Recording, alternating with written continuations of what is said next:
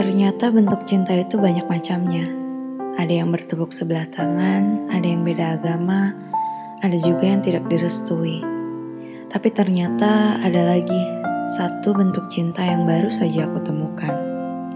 Saling sayang tapi tidak bersama, bukan karena beda agama, bukan karena tidak direstui, tapi hanya karena memang semesta tidak mengizinkan. Semuanya sibuk dengan dunianya masing-masing. Sudah diusahakan untuk bersatu, namun ternyata salah satu pihak ada yang belum bersedia. Dan pada akhirnya yang harus dilakukan adalah merelakan. Perpisahan terjadi lagi. Di saat sudah bertemu dengan dia yang pas di hati, namun ternyata ujung-ujungnya juga harus tetap berpisah. Perihal jodoh memang tidak ada yang tahu. Arti kata cinta pun sangat luas maknanya semua teori tentang cinta satupun tidak ada yang pasti.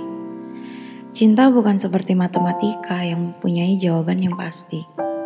Karena perasaan setiap manusia mudah sekali untuk berubah. Sang pencipta sangat mahir membolak-balikan perasaan manusia. Dan kini mungkin aku harus belajar untuk bersabar. Mungkin aku harus fokus kepada diriku sendiri sebelum aku hidup bersama yang lain. Mungkin perasaan ini ada agar aku belajar mencintai dengan jarak. Agar aku paham apa arti cinta sebenarnya. Bukan hanya ego manusia yang ingin memiliki.